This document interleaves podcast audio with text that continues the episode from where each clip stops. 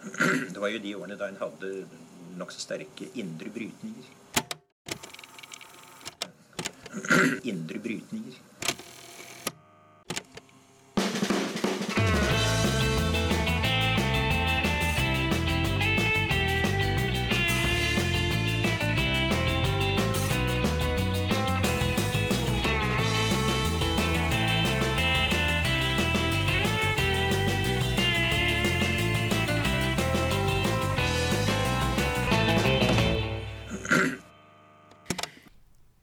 Velkommen til en litt uvanlig Noen har snakket sammen. Jeg heter fortsatt Tiril Rustan Halvorsen. Og jeg heter Aksel Fjellhavni.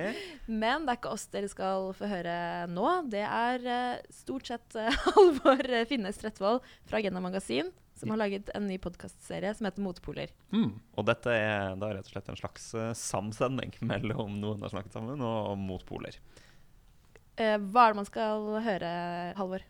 Det er første episode i Motpoler-prosjektet, som da går ut på å prøve å finne en vei gjennom kulturkampen, kulturkrigen, som ikke bare er preget av skyttergravstenkning, men noe mer nyanser og, og kompleksitet. da. Hva slags gjester er det man får møte i denne serien? Det er seks personer som kommer fra uh, ulike ståsteder. Det jeg har bedt alle sammen om, er å komme i studio med tvisynet sitt intakt. Altså ikke som um, kulturkjempere, men som, som sparringspartnere, for at uh, vi skal liksom prøve å komme uh, nærmere inn en eller annen kjerne. Og, og det er forståelse som er målet. Hele Motpoler-serien handler om at vi skal bli litt klokere istedenfor enda sintere. Da får dere første episode her, og hvis dere syns det er interessant, så går det også an å abonnere på Motpoler-podkasten i tillegg. Det hadde jeg satt stor pris på.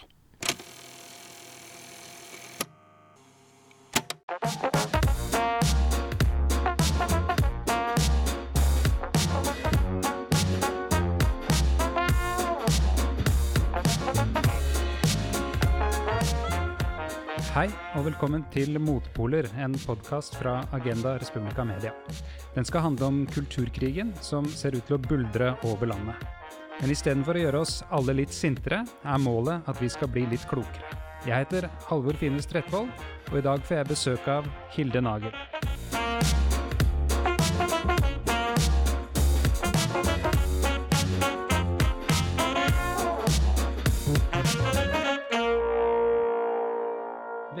At du ville komme hit, Hilde. Kan du ikke si bitte litt om bakgrunnen din og hvem du er, sånn at disse hordene av lyttere vi har der ute, får greie på det? Hyggelig å være her, Halvor. Jeg heter Hilde Nagel og er fra Tankes min agenda. Der har jeg jobba et par år, men før det så har jeg vært forsker på Blindern i statsvitenskap i mange år. Og så har jeg jobba i Røde Kors Uh, og i Fritt Ord. Uh, og jeg har jobbet mye med etikk og mye med politisk filosofi. Uh, så det er vel kanskje bakgrunnen for at jeg er interessert i det vi skal snakke om i dag. Mm. Og så skriver du på en bok om frihet, som kommer til høsten. Det er også, det er frihet og teknologi. Ja, og det er også noe jeg håper vi kan få snakke litt mer om, hvordan ny teknologi egentlig også påvirker disse offentlige samtalene våre. Ja, og så har du akkurat skrevet en interessant artikkel, må jeg si, i Agenda Magasin, i den artikkelserien der som deler navn med podkasten. Og det du har skrevet om, er fenomenene cancel culture og call out culture. Det er noe vi skal eh, bore litt i og komme nærmere inn på, tenker jeg. Artikkelen er um, god, den er um, oppklarende, drøftende og har også en del sånn tvisyn i seg. Og det er jo i en tid der uh, kulturkampen raser og krangler om alt det som har et eller annet med sånn identitetspolitikk å gjøre, det ser ikke bare ut til å ta ganske mye av den båndbredden eh, i offentligheten, men også eh, være preget av en del sånn skyttergravstenkning. I en sånn situasjon så har i hvert fall jeg et behov for å, å, høre på dem som tenker litt mer komplekst, som ser noen nyanser og ikke er helt lukket for eh, andre perspektiver da, enn sitt eget. Og nettopp da er det uh, så befriende å snakke med noen som deg, som eh, håper jeg da i alle fall ikke selv anser seg som en av disse kulturkrigerne. Jeg syns det var litt skummelt å skulle kaste meg på her, fordi at, som jeg tror veldig mange føler på, faktisk. Og det er kanskje noe av utfordringen her. ikke sant? Fordi eh, punkt én så har man jo virkelig ikke lyst til å være med på å støtte opp under en sånn type eh, at det er greit å slenge om seg med rasisme og fordommer osv., eh, eller bli tatt da til inntekt for en av sidene, som jeg kan bli, det kan komme tilbake til, som jeg kan bli med det jeg sier her. Eh, Så det å skulle være nyansert der hvor det er så polarisert, det er i utgangspunktet noe som eh, er litt eh, vanskelig. Ikke fordi det er eh, sterke meninger, for det er fint, men fordi at det på en måte kobles veldig til en eller den andre siden av en veldig sånn ja, en krig, da, som du sier.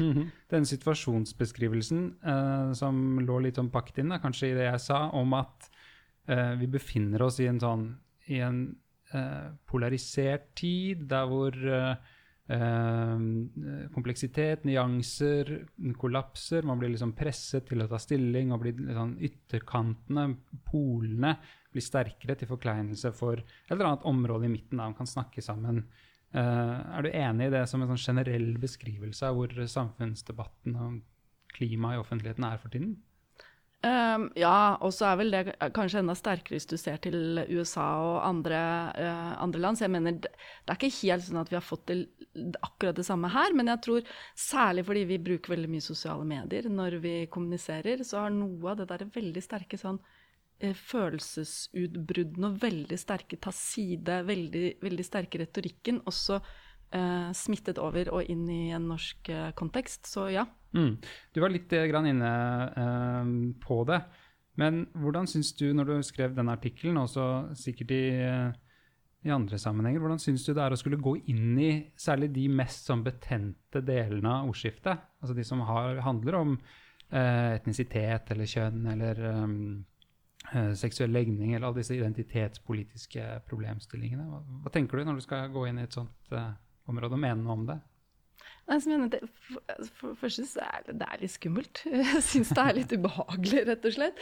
Eh, Men så er jeg også redd for å Jeg, jeg merker at jeg blir litt sånn redd for å bruke veldig mye tid på en debatt som jeg ikke nødvendigvis kanskje føler at eh, fører noe sted hen. Da. Fordi at jeg syns ikke alltid at de diskusjonene der føres på en veldig konstruktiv måte. Og det er noe av kjernen her også, som, eh, som ligger i det begrepet som vi skal begynne å snakke om etter hvert, som er eh, kanselleringskultur, eller cancel culture. Vi skal komme inn på det, men kan du si noe mer om det ubehaget og hva det består i? Det er nok litt det at jeg opplever at den jeg Du ba meg Det første spørsmålet til meg var 'Hvem er jeg?' Så når jeg skal presentere meg selv, hvem er jeg? ikke sant? Og så uh, føler jeg bare at det at jeg er den jeg er, med uh, den bakgrunnen jeg har, uh, plasserer meg på en eller annen måte allerede i en sånn type debatt. Det, Hvordan, hvordan da? Nei, at man kanskje i I den identitetspolitikkdiskusjonen så er det veldig mye som hefter ved eh, veldig sånn objektive kjennetegn ved en person. Sånn hudfarge, bakgrunn, eh, antall år på Blindern eh, eller eh, mm, hva du jobber med. Og at det eh, hektes ved en god del både meninger og fordommer bare til det. Sånn at bare det at jeg eh, er den jeg er sånn sett, gjør at folk har fordommer.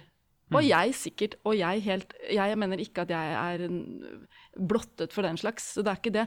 Men akkurat i denne diskusjonen her så er det også noen som trekker litt det kortet at du kan da umulig forstå hva dette er, du som bla, bla, bla, sånn og sånn. Og det er noe som er vanskelig å møte, fordi selvfølgelig, jeg kan ikke vite hvordan det er øh, å være øh, en minoritetsflyktning i Norge, for det har jeg faktisk ikke prøvd. Men jeg syns det er litt skummelt også hvis vi får en sånn debatt hvor det fraskriver meg hver liksom, rett til å komme med en kvalifisert mening om hvor, hva vi skal gjøre på integreringsfeltet, f.eks. Ikke sant? Så vi må bare ikke komme dit at det er altfor mye som hektes ved eh, den, den erf livserfaringen man har. Samtidig så eh, vet jeg også at sånne som meg ofte blir kritisert for å eh, ikke legge vekt på livserfaring og tenke at eh, jeg kan uttale meg om alt mulig rart, jeg, fordi at jeg forstår dette. Og det er også farlig. Så her er det lett, det er lett å gå i ulike sånn, eh, fallgruver allerede før man har begynt å diskutere. Litt som at uh, måten ordskiftet eller debatten er eh, strukturert eller liksom satt sammen på, så er det ikke en uproblematisk plass å snakke fra. Altså, det er ikke en plass som man kan uh, innta, som man kan se på det fra et sånn nøytralt perspektiv. Da. Det virker som om det er liksom um, et kjennetegn ved noen av disse debattene. Men det andre du sa, som jeg også syns er interessant, det er at du tror ikke det kommer noe godt ut av det. Eller du ser liksom ikke hvordan det kan lede til en konstruktiv, uh, få noen konstruktive følger. Eller du frykter at det kan, uh, det kan være vanskelig. Da kan du utdype det litt også? Jeg tror kanskje det er liksom en tendens i vår tid for det første til å hekte veldig mange ting på det ene Hvis du på en måte hører en person som uttaler seg eh, veldig skarpt i en sak, så tenker du at det er kobla til en rekke andre meninger samtidig. Sånn at liksom man, man, kobler sammen en god del sånn holdninger og meninger og sånn i grupper, og så søker man til sånne grupper hvor man syns at man får mest mulig holdninger og meninger som er like ens egne. Det er jo noe av det som er polariseringen, ja. opplever jeg. Så konstruktive diskusjoner jo, klarer jo å trenge gjennom det. Hvor jeg klarer å nettopp utfordre mine fordommer. Uh, når jeg vet noe om deg, så tenker jeg sånn og sånn om deg i tillegg. Men det trenger jo ikke å være riktig. Mm. Og prøve også, det høres veldig liksom banalt ut, men prøve også av og til å høre på de argumentene. Og ikke all den andre informasjonen rundt som kan veldig fort bli litt støy, og kan veldig fort bli litt Jeg vet ikke. Eh, litt uinteressant, syns jeg. Fordi mm. tross alt eh, burde det være sånn at gode, informerte, velbegrunnede standpunkter er noe som man kan høre på, litt uansett hvem som fremfører dem, da. Mm. Ok, La oss gå inn på det som handler om, om uh, cancel culture og call out culture, som var de to tingene som du skrev om i den artikkelen. Uh, de er kanskje ikke adoptert helt i Norge ennå, disse uh, ordene, men de brukes jo flittig i, i USA f.eks., der kulturkrigen som du var inne på, Eh, er mer intens enn en den er her hjemme.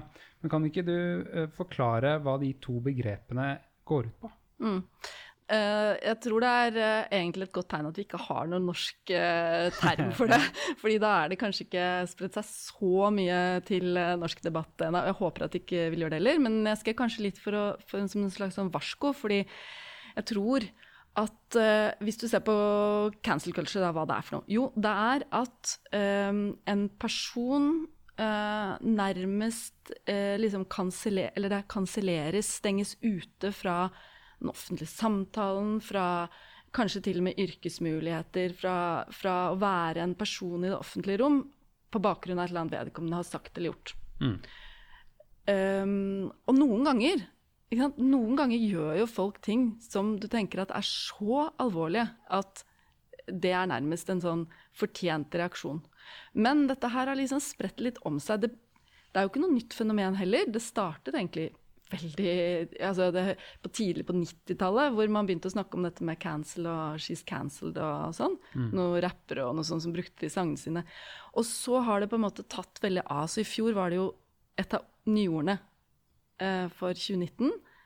Og det tror jeg er fordi at det har fått et omfang som er veldig mye større enn de alvorlige sakene. Men hva slags overtramp eller forbrytelser er det man liksom eh, har begått når man blir utsatt for det her? Det kan jo være forskjellige ting. Jeg tror det, det fikk vel et oppsving rundt hele metoo-kampanjen. Og da tenker jeg også kanskje eh, var eh, ganske legitimt, fordi at eh, særlig menn da hadde fått lov til å gjøre si en del ting uten at det egentlig hadde fått noen særlige konsekvenser. Og så kom metoo, og så var ikke det greit lenger. Det var en del ting som virkelig ikke var greit lenger. Samme med en del type civil rights-engasjement, eh, svart, eh, svart eh, Black Lives Matter-engasjement, som dreier seg om å bare Man må kanskje av og til bruke litt sterke virkemidler for å få folk til å se at vet du, nå er du, du er rasistisk, rett og slett. Og du, mm. det er ikke bra det du sier, det går inn i en veldig fordomsfull eh, forståelse av verden og andre mennesker rundt deg. Men så eh, er det jo det som er med den cancel culture, at det er jo ikke holdningene. Du sier ikke 'det var rasistisk sagt eller gjort'. Du sier 'du er rasist'. Mm. Eller du er, eh, du er et eller annet som ikke er bra. Du, det, skam på deg. Og det, eh, det tenker jeg det er kjempefarlig fenomen. Hvorfor er det farlig? Hva gjør det på en måte som, som gjør at det er gjør jo, det gjør, Jeg tror det gjør at veldig mange færre orker og gidder å ta del i en uh, offentlig samtale. Mm. Fordi vi har alle, ikke sant? og det tror jeg også, vi har alle ting som kanskje Når man lufter det, vi skjønner at oi, dette var kanskje ikke helt bra sagt eller gjort, eller noe. Vi er ikke noe sånne, vi har ikke noen sånne rene tavler bak, og vi kan si at alt vi har sagt og gjort, liksom er helt sånn innafor alltid. Og det er det å være menneske. Og noen ganger må det kunne være mulig å si ah, det var teit sagt. Og så kunne gå videre, da. Mens i en sånn kansellerings... eh, Sånn cancel culture, den hele den, derre- den måten å, å liksom kansellere Så kansellerer du personen, da. Og det er ganske heftig virkemiddel. Det er et sterkt virkemiddel, men, men, men du var inne på det sjøl. Du syns at de i hvert fall kan diskuteres om det er mer legitimt i noen sammenhenger enn i andre. Så det er noen sånne grenseoppganger eller noen gråsoner der som på en måte hvor det Eller tenker du at det aldri er uh, legitimt å, å Nei, jeg tenker ting? bare at det har bred om seg altfor mye. Ja. Og også at det kanskje er kobla til det andre begrepet som du nevnte, som er call-out culture. Som er liksom at du setter noen i gapestokken i offentligheten for noe de har sagt eller gjort. Å si, å peke, på en måte, sier Du, se, se, på, den. han eller Se hun på Ja, er rasist eller Ja. eh, misogynist eller et eller annet. Nettopp. Og Twitter er en fantastisk eh, enkel måte å gjøre det på. fordi at da kan du bare retvite, så kan du lage din egen kommentar på det. En eller annen ting noen har sagt eller gjort, og så sier du selv Se på denne idioten her. Og så er det faktisk bare også da dine venner som ser denne idioten, hva denne idioten har gjort, og så kan du bygge opp sånn sett en slags sånn kampanje nærmest mot uh, enkeltmennesker som er ikke spesielt uh, konstruktivt, og som også er litt Jeg tror hvis du først ser på det og tenker Vi er opptatt av liksom Vi vil ha en human, human debatt. Dette er dehumaniserende. Fordi at eh, du, du tar så til de grader personen og ikke saken, da. Og egentlig kanskje også ikke alltid gir eh, vedkommende verken mulighet til å forsvare seg, eller, eller langt mindre liksom gå videre eh, neste runde med en ny start. Og så tror jeg faktisk også liksom, vi skal ikke være Vi skal på en måte også ikke være naive med tanke på hvordan de sosiale mediene fungerer. Fordi cancel culture er jo også en måte å få ting veldig opp, høyt opp. Du får en masse oppmerksomhet rundt noe. Jeg kansellerer vedkommende. Kan, hvis jeg kansellerer deg, da, så kan du komme tilbake og si 'jeg har blitt kansellert'. Og så har vi to sånne eh, slags sånn tribes som plutselig står mot hverandre. Den ene som støtter deg som er stakkars som har blitt kansellert, og den andre som støtter meg som kansellerer deg. Det er en slags sånn, eh, hva skal man si, at uh, konflikten eller uenigheten man hadde i utgangspunktet, har bare hoppet opp et nivå, eller så, så, re, så gjenoppstår den på en måte der, da, og så blir krangelen sånn, ja, hvem er det som er egentlig uh, offeret? Er det noen som er offer for en kansellering, eller er det eh, en legitim kansellering som har kommet i stand fordi noen har blitt utsatt for noe? Men jeg, bare, liksom, jeg har lyst til å spørre, så, sånn jeg forstår deg, så sier du at noe av problemet er at dette har bredd om seg. At det har blitt en mer eh, brukt virkemiddel, kanskje særlig i, eh, i USA. Og så er det, er det dumt hvis det kommer til Norge. Og- det andre er at, at idet det på en måte brer om seg, så blir det en del av en sånn polariseringsdynamikk som drar eh, folk fra hverandre og skaper sånne tribes, da, eller stammer, en sånn stammetenkning. skyttergravstenkning. Men kunne man ikke, altså er det ikke også noe med at grunnen til at, disse, eh, at dette behovet oppstår, er at vi står midt i noen kulturelle skifter som går på f.eks. syn på eh, forholdet mellom eh, menn og kvinner, altså kjønnsroller, og eh, en eh, oppvåkning, som de snakker om i USA, da, at man er woke, at man har våknet opp, og at man ser hvordan rasefordommer f.eks. finnes eh, ubevisst i mange av oss. Og at noe av særlig denne call-out culture-tingen går på å påpeke eh, forhold som, hvis man tenker seg om, kanskje har en eller annen ikke så, så heldig undertone. da. At det på en måte stammer fra et eh, Er knyttet inn i et eh, tankesystem som, ha, som har rasistiske trekk. da. Tenker du om det at det vi egentlig står i, er et kulturelt skifte, at dette er på en måte noen sånne eh, friksjoner som veldig naturlig oppstår i, i den forbindelse? Uh, jo, uh, jeg tror du har rett i det. Og jeg tror også noe, til en viss grad så kan det være et slags uttrykk for maktesløshet også. At man tenker at dette er noe man kan altså, Du føler kanskje at det er mange ting man ikke kan påvirke, men det du i hvert fall kan påvirke, er liksom at du selv sier Hæ, deg gidder jeg ikke å forholde meg til lenger. Det er noe som alle på en måte har, mul har mulighet til å gjøre uten at de trenger å ha en maktposisjon i samfunnet. Før var det jo litt mer sånn at man eh, at dette med å kansellere noen bare var forbeholdt de som satt i en posisjon hvor det kunne være portvakter. ikke sant? Hvor det kunne være en redaktør som sa nei, vi, vi publiserer ikke noe særlig av det.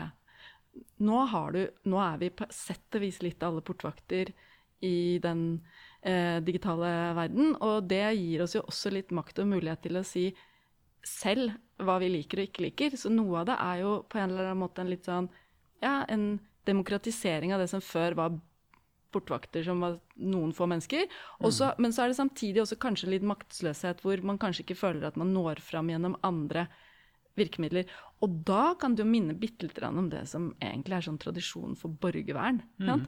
Så du før eh, Altså, du skulle jo tenke ideelt sett så var det sånn at eh, i hvert fall disse alvorlige sakene helt klart ble tatt opp ordentlig i rettsapparatet. Man fikk dommer, og man fikk en offentlig liksom, rettsavgjørelse. Men i noen av disse sakene her, i hvert fall, så har vel problemet vært at disse som gjør og sier og holder på, de får så sitte der. Og de har makt fortsatt. Hva gjør man da? Da er det liksom, da er det kanskje både legitimt og greit å si hallo. Å trappe opp på en måte. Altså Ja, ta det neste Da tar man saken i egne hender. Ja. Men det er jo også, syns jeg, også noe av det litt skumle, fordi det borgerverngreiene, det er jo også noe som fort blir lynsj og mobb. Ja. Så man må bare Jeg tror man må um, altså både som sagt se hvordan sosiale medier av og til kan oppmuntre til nettopp en sånn lynsj og mobb-kultur, som er veldig følelsesstyrt, og som er veldig sånn Se hva han har sagt og gjort. Og så blåser man det opp og ut av proporsjoner, og så er det mye morsommere og mer interessant å si rasist, jeg kansellerer han, enn å si det der du sa der, var, syns jeg, fordomsfullt og rasistisk, og så gå inn i en dialog, da. Men hvis vi slutter å gjøre det siste, så kommer vi ikke særlig langt. Vi snakket litt om det i stad, nemlig dette med at man blir sånn selvbevisst på hvor man snakker fra. Ikke sant? Sin egen, eh, sin egen eh, bakgrunn og, og um, eh, hudfarge og kjønn og, og seksualitet og alt sammen. Uh, men en ting som, en annen sånn måte å lese det på og tolke det på kunne være, da, som jeg av og til tenker at jeg skal ha med meg, nettopp at dette er eh, grupper eh, og individer, mennesker, som eh, gjennom sitt eget liv og gjennom en lang historie har vært vant til å få sine grenser overskredet på ulike måter. Og det som ligger i denne talk to the hand-øvelsen, som vi kanskje kan kalle det litt enkelt, er jo å si at her, går, her nå aksepterer jeg ikke lenger at mine grenser overskrides. Og det stammer jo fra et perspektiv som er annerledes enn mitt, annerledes enn ditt, og som jeg syns det er liksom vanskelig å uh, avvise, da. Samtidig så synes jeg, Ja, jeg er med deg, men samtidig så syns jeg også det er noe av den uh eh, vanskeligste siden ved den eh, eh, identitetspolitikken, da. At eh, det er så veldig sånn Du skjønner ikke hvor jeg kommer fra, du skjønner ikke hvem jeg er. Du skjønner ikke Du har ingen mulighet til å sette deg inn i. Så derfor så kan jeg ikke heller høre på hva du har å si om det. Eh, hvis det er på en måte konklusjonen. Eh, det er en slags sånn essensialisme, kaller man det gjerne. At man knytter så veldig alt det du mener og alt det du står for, så veldig til hvem du er og hva du har opplevd. Eh, men jeg kan jo tenke meg eh, veldig mange måter som du og jeg hver dag prøver, i hvert fall, eller tenker at vi skal prøve å utvide det rommet vårt for forståelse. En ting er bare at vi altså, gjennom skjønnlitteratur, eksempel. Du, leser, du kan lese med andre, men hvis du gir opp det å prøve å forstå andre, da, så har du gitt opp ganske mye. Og da blir også eh, både samtalene våre i det offentlige rom veldig veldig snevre. For det er veldig få ting jeg kan spørre deg om, fordi det er mange ting, det aller meste har du aldri opplevd, og er ikke i nærheten av å kunne si noe om. Her syns jeg vi er inne liksom i det absolutt mest sånn grøtete og vanskelige og, og sånn minebelagte Ja. feltet. da. Ikke sant? Essensialisme er en, en, en felle å, å gå i, men for å bruke et annet litt sånn krøkkete begrep, så er det noe som heter falsk universalisme. Altså at man antar at ens eget perspektiv er et allmenngyldig perspektiv og gjelder for alle i alle situasjoner. Uh, hvor man liksom uh, ikke er eh, i stand til å se at også en selv kommer fra et sted og har et partikulært eh, perspektiv, da, som det heter igjen på litt sånn akademisk.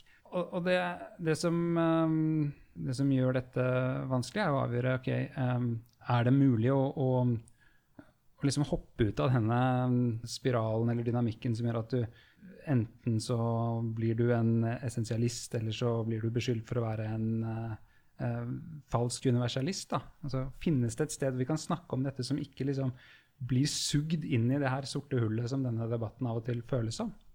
Ja, for her, jeg, jeg, merker at jeg mister tålmodigheten. Jeg merker at jeg, jeg blir ut Jeg blir Jeg tenker Gå ut gå ut etter dette, denne praten vår og se dem, liksom. Det ikke, mangler ikke på oppgaver for samfunnet vårt, og det mangler ikke på utfordringer, og det mangler ikke på Midt oppi klimakrise, liksom. blindspor, liksom? Ja, som vi bare, jeg, ja eh, eller nei, nei, ja og nei, og det er der det er så ja. vanskelig å være nyansert. Der. Fordi at jeg følger deg på det du sa i sted, om at noen, noe av dette handler om at vi begynner å få en bevisstgjøring på Spesielt kanskje det med sånn kjønn og betydningen av altså Egentlig en del av fordommene vi har hatt rundt hva som er hva kategori, kategorier og sånn, som jeg tror er vært nyttig og god og bra. og Vi trenger å vekkes, og vi trenger å tenke annerledes om det. Trenger å, trenger å forstå at det er flere mm. måter å leve på, flere varianter. Og, og, og, det er veldig bra. Men hvis vi holder på med det eh, eh, som en krig, eh, altfor lenge, hvor man driver, driver, og på en måte kaster på hverandre, sånn som jeg føler at denne cancel culturen er, mm. så bruker vi tror jeg da tilsvarende lite tid på å se på alle de dimensjonene vi har felles. Den derre i felles båt-metaforen eh, tror jeg egentlig er ganske god på hvordan verden nå er. Vi er i, fel vi er i en båt. Altså. Det er eh, virus fra Kina, og det er klimaødeleggelser i Australia. Det påvirker oss faktisk alle sammen. Så vi kan ikke holde på altfor mye med det partikulære. Nei. Vi må på en eller annen måte, vi er mennesker og vi skal overleve på denne planeten sammen. Og da må vi på en eller annen måte også bruke litt mer tid på det som forener oss, og ikke bare det som skiller oss. da. Mm. Bare, ikke sant, kunne man bare illustrert ved hvordan dette ofte forløper. si sånn, Det er lett for deg å si. Ja. Eh, ikke sant? um, uh, men, uh, men la, oss, det, la, oss, ikke gå ned den, uh, den veien der. Jeg syns ikke det er lett for meg å si, fordi jeg syns ikke det er lett for noen å si. Fordi du står på kanten av verdens undergang, egentlig. Og så skal du drive med sånn veldig mye uh, hva jeg kan si om det og ikke kan si om det, og du kan si om det og ikke kan si om det. Det er ikke noe som bringer noen ting noe videre framover, opplever jeg. Ja. Uh, jeg tenker bare at det handler ikke nødvendigvis så mye om kun om hvem som skal få lov til å si hva og sånn, som det handler om systematiske skjevfordelinger av makten til å sette grenser, makten til å definere hva som er innenfor og utenfor, uh, som nå er i ferd med å kanskje snu litt på seg. På godt og vondt, da, og med en del av disse konfliktene og støyen som en helt naturlig liksom, konsekvens av det. da. Uh, men la, la, la, det ligge. Ta en, uh, et litt annet aspekt ved disse ordene, call-out culture og cancel culture. Hvorfor uh, beskriver man det som en culture? Har du reflektert over det? Ja, og det, jeg, det er derfor jeg var interessert i det også, for det mm. dreier seg om ytringskulturen vår. Mm. Så absolutt. Og ytringskultur er jo som kjent noe som eh, utvikler seg over tid. Og eh, det er forskjell på Og dessverre har utviklet seg dramatisk i negativ retning, bl.a. med Trump. Mm. Eh, hvor eh, tror jeg ikke er mulig å ta tilbake igjen. Ja. fordi at du allerede har fått personer i så høye maktposisjoner som han har, som sier og gjør ting og på en måte som, på, på en måte som bare er Ja, det er noen grenser som er, man har gått over der. Mm. Og det samme føler jeg litt er i ferd med å skje med hvordan vi kommuniserer, eh, kanskje spesielt eh, på sosiale medier. Da. At det er eh, blitt lov og greit å gjøre si ting. Og bygge opp den type som kampanjer, f.eks., som, som ikke er greit, og som ikke var greit før, og som ikke er greit nå. Mm. Men er det også sånn at det er blitt en ny merkelapp som man kan klistre på sine meningsmotstandere, eller kritikk som man er uh, ukomfortabel med? Ja, og det er derfor det er så vanskelig. fordi at mhm. med en gang liksom, du syns jeg er uh, fordomsfull, så kan jeg si ah, du driver med sånn eh, call-out-culture mot meg. Jeg, jeg, er ikke, jeg, er ikke, rasistisk, eller jeg er ikke Og det vil være nettopp det har snakket om i sted. At mm. dette er jo en sånn dynamikk som gjør at du bygger opp polariseringen på begge fronter. Så jeg kan bygge opp min gjeng som sier at jeg, stakkars meg, er et offer for cancel culture. Og du kan på din side si at dette er helt legitimt av meg å kansellere den personen, for den personen er helt håpløs. Så jeg mener at det er begge deler, og at det er også noe problemet med det fenomenet her. At det brukes av begge parter, og at det brukes som en makt eh, et maktmiddel av de som sitter i posisjon og har privilegier òg, vil si at ja, men du slutte å jeg, Ikke kansellere meg, ikke sant. Sånn, ikke, ikke bruk de virkemidlene der hvor jeg egentlig kanskje eh, sitter godt i en maktposisjon. Eh, og, og, og, tre, og egentlig er det en helt legitim eh, sinne og frustrasjon og motstand mot noe som jeg helt klart burde skjerpe meg på. Er maktdimensjonen relevant, tenker du, for hvordan vi skal bedømme disse, disse konfliktene? Da? Hvis vi prøver å se det litt fra utsiden, er det maktforholdet en informasjon som skal liksom være med på å avgjøre hvor sympatien vår skal ligge, tenker du? Åh, det er et vanskelig spørsmål, men det er klart at maktrelasjonene har masse å si. Og det er klart at det at eh, du nå, som igjen på godt og vondt, har fått andre regler for hvem som, setter, hvem som kan være portvakter, og hvem som kan sette betingelsene for en offentlig samtale, også hvem som modererer. Ikke sant? Jeg tror noe av dette her er et problem også der hvor det er mangel på på moderering av, i, altså av samtalen, hvor kanskje hvis du hadde hatt en, noen da, som hadde ansvaret for å si, en redaktør eller noen som hadde ansvaret for å si nå, nå, nå, dette går litt langt her, eller liksom øh, justere noe. Mens, mens det er noe av dette som får lov til å vokse seg veldig svært også. Eh, umoderert. Og det tror jeg du alltid har hatt, på en eller annen måte, men du har, du har andre muligheter til å gjøre det nå. Og og så er det kanskje motsatt. Eh, andre måter som Altså de som har makt, har alltid funnet måter å beholde makten sin på. Så de har sikkert sine teknikker også for å beholde makt og privilegier. Det hadde vært deilig, da, tenker jeg av og til, når jeg ser, leser og ser på disse eh, debattene, om det fantes noen sånne noen prinsipper man kunne, noen, i hvert fall noen tommelfingerregler som man liksom kunne bruke for å, for å vurdere eh, hvem som har mest rett. da. Men går det i det hele tatt an, uten at man plutselig befinner seg i en ny krangel om de eh, reglenes eh, legitimitet, og om de stammer fra eh, fornufts, eh, en fornuftsargumentasjon, eller er på en måte eh, springer ut av ens eh, identitetsfasetter, da, som, som man ikke kan gjøre så mye med. Noe av dette tror jeg jo er regler for offentlig samtale. vi har gudskjelov begynt å få litt eh, diskusjoner nå. Kanskje gjennom den nye ytringsfrihetskommisjonen også kan ha litt eh, diskusjoner av. Men som eh, Det er ikke noe sånn at hvordan vi er på nettet er sånn at det er, trenger å være sånn som det er nå. Kan, det er noen ting vi kan skjerpe. Noen ting er det eh, teknologiselskapene som bør eh, skjerpe. F.eks. Eh, dette med hvor lett det skal kunne være å få eh, altså eh, mye oppmerksomhet rundt ekstreme standpunkt osv. Det er jo noe man jobber med. Ikke sant? Se hvordan kan du moderere det. Eh, men også personlig, tenker jeg. At eh, det faktisk også dreier seg om at uh, du og jeg kanskje vi kan kanskje tenke oss om en ekstra gang før vi hiver oss på en litt sånn kampanjelignende sverting av en enkeltperson som vi kanskje vet ganske lite om bakgrunnen for den, den påstanden om rasisme eller påstanden om hva den enn er. Og at vi, sånn at vi kan liksom Bare det å vente en dag eller to, tenker jeg. Det er eh, Og liksom at blodet kanskje ikke skal bruses så mye. Ja. Ja. Og, og, og også kanskje liksom, Nå høres jeg så snusfornuftig ut sikkert igjen, da, men den der regler for offentlig samtale Det er jo ikke som at de reglene er utdatert bare for vi har begynt å ha den andre steder enn eh, med penn og papir og i, i offentlige fora hvor vi møtes ansikt til ansikt. Vi, vi må jo kunne ta med oss noen av de. Og der fins det jo ganske mange gode regler for ikke minst det å skille sak-person. Så um, Trine Eilertsen, når hun ble redaktør nå, så sa hun at hun syntes det var veldig mye enklere å delta i debattene når hun tenkte på seg selv som at det ikke var henne. Altså det, det var liksom saken, og hun kunne kjøre saken, og så kunne man være fly forbanna på henne, men det var ikke på henne. Det var på saken.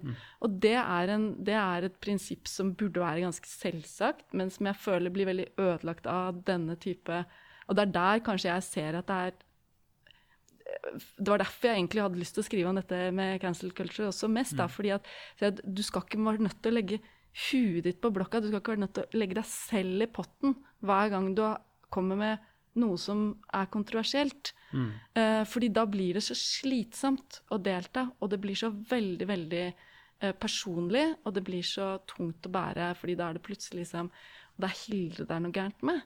Eh, mens jeg kan godt stå for at jeg, noen er hakkende så uenig i et eller annet standpunkt jeg har.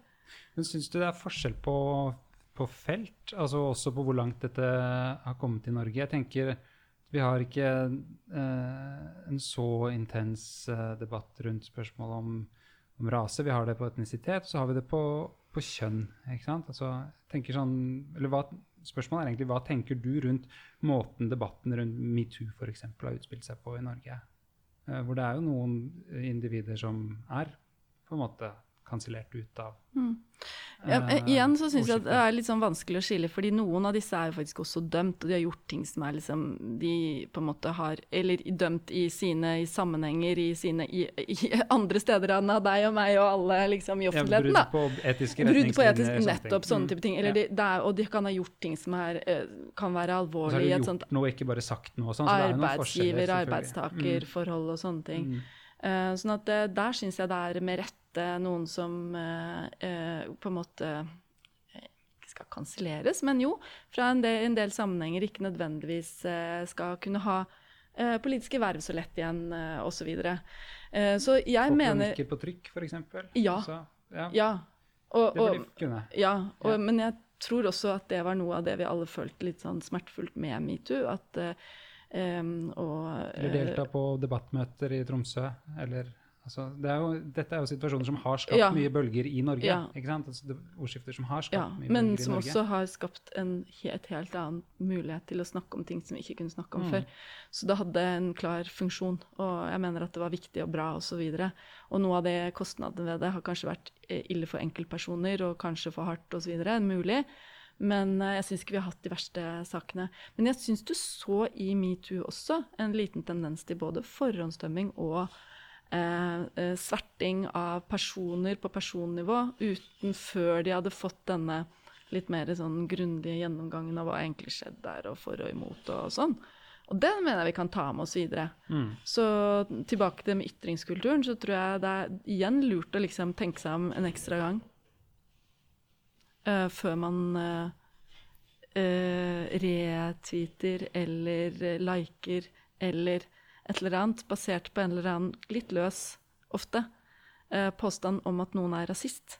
For det, jeg tror egentlig ikke så mange er rasister heller. Det er noe med det, det å være rasist, men man kan ha gjort noe som er fordomsfullt rasistisk. Mm. Uh, Men kan man også være bærer av et eh, rasistisk tankegods uten man er ja, klar over da, det, ja, da. f.eks.? Alt det der Mm. kan man være. Og, ja. Ja. Ja, vi skal um, jeg, kanskje si litt grann, eh, til her mot slutten om um, om det er noe mål å dempe debatten, sånn du ser det, og i så fall hva man, hva man eventuelt kan gjøre for å liksom klare å komme ut av denne, denne situasjonen der hvor, hvor såpass mye eh, energi og eh, båndbredde liksom suges da inn imot dette eh, feltet, denne diskusjonen.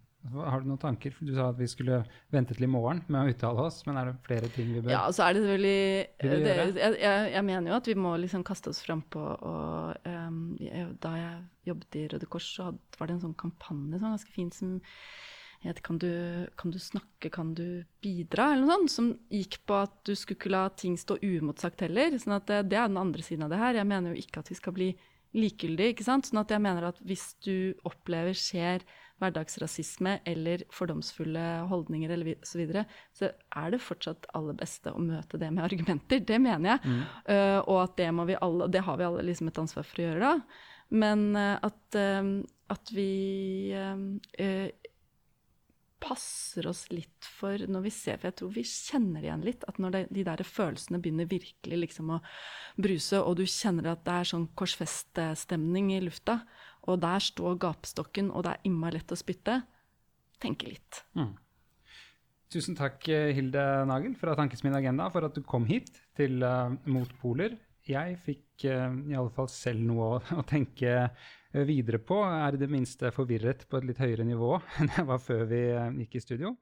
Hildes artikkel kan leses på Agenda magasin, og vi legger en lenke i episodebeskrivelsen dit. Fortell vennene dine, som vil jeg mene har godt av å høre på Hilde og de andre gjestene om motpoler. Send oss gjerne en tilbakemelding i iTunes, eller hvor du nå lytter til podkastene dine. Vi er tilbake igjen om noen dager med ny gjest. Jeg heter Halvor Fines Trettvoll og kansellerer herved meg selv for denne gang.